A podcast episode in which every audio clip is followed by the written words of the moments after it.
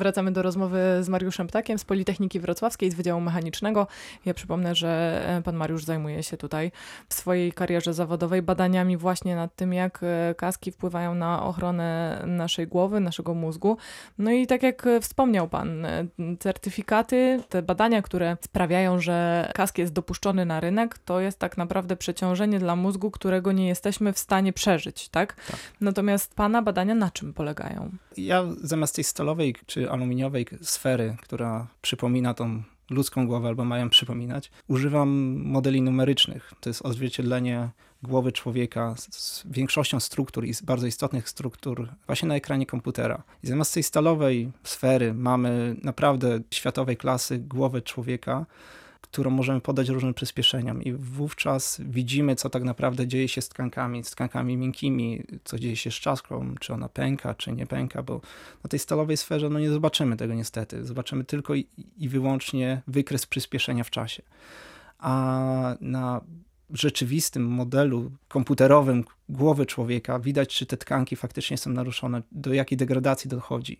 Czy użytkownik mając 2 lata, czy 70 lat, bo to są inne też głowy, jest w stanie przeżyć to, to uderzenie przy tym konkretnym na przykład kasku, który zastosujemy. W praktyce odbywa się to tak, że przykładowo dla kasków motocyklowych, czyli bierzemy kask rzeczywisty, poddajemy go eksperymentalnie, czyli rzeczywiście testom i robimy dla tego samego kasku badania weryfikujące numeryczne, czyli poddajemy tym samym przyspieszeniom kask, ale już na ekranie komputera, zeskanowany w 3D, odzwierciedlony różnymi kom technikami komputerowymi.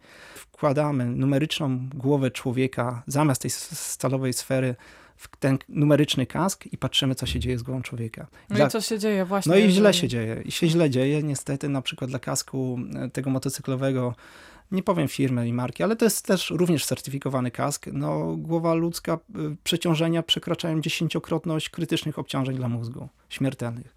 A ten kask jest cały czas certyfikowany, więc e, tak jak wspomniałem, no, te przyspieszenia 250G czy 240 dla kasków motocyklowych to są krytyczne przyspieszenia. Jeżeli bierzemy sobie powiedzmy taką sytuację z życia wziętą, czyli jedziemy na rowerze, mamy wypadek, uderzamy głową, to czy ten kask jest nas w stanie uchronić, jeżeli, no mówię, jedziemy normalnie, w normalnym tempie?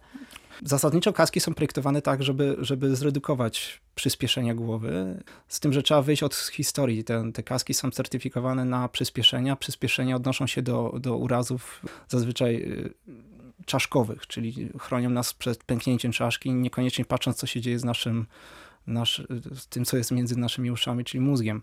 Um, więc zasadniczo kask ochroni nas przed pęknięciem czaszki. Z mózgiem będzie może troszeczkę gorzej, no ale tu musimy mieć pewne wyważenie. Możemy, to jest zawsze absorpcja energii, czyli pochłanianie energii na danej długości, czy grubości kasku. Kask musi być gruby, ale nie może być tak gruby, żeby, żebyśmy a mieli na głowie, nie wiem, półtora kilograma dodatkowej masy, a B wyglądali po prostu śmiesznie, bo nikt tego kasku nie kupi. Są oczywiście rozwiązania kompromisowe, nowe materiały, nowe systemy energochłonne, ale one też kosztują, mogą kosztować.